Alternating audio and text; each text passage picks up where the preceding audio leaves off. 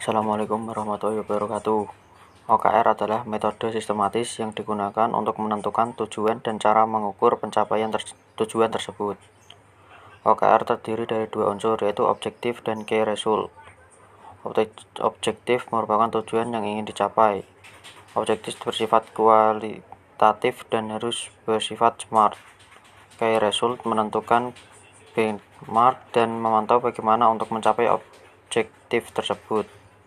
Objektif key and result bersifat kuantitatif dan biasanya dinilai dengan menggunakan angka. Tujuan OKR adalah melakukan aktivitas bisnis untuk mencapai target tertentu dalam jangka waktu yang telah ditetapkan.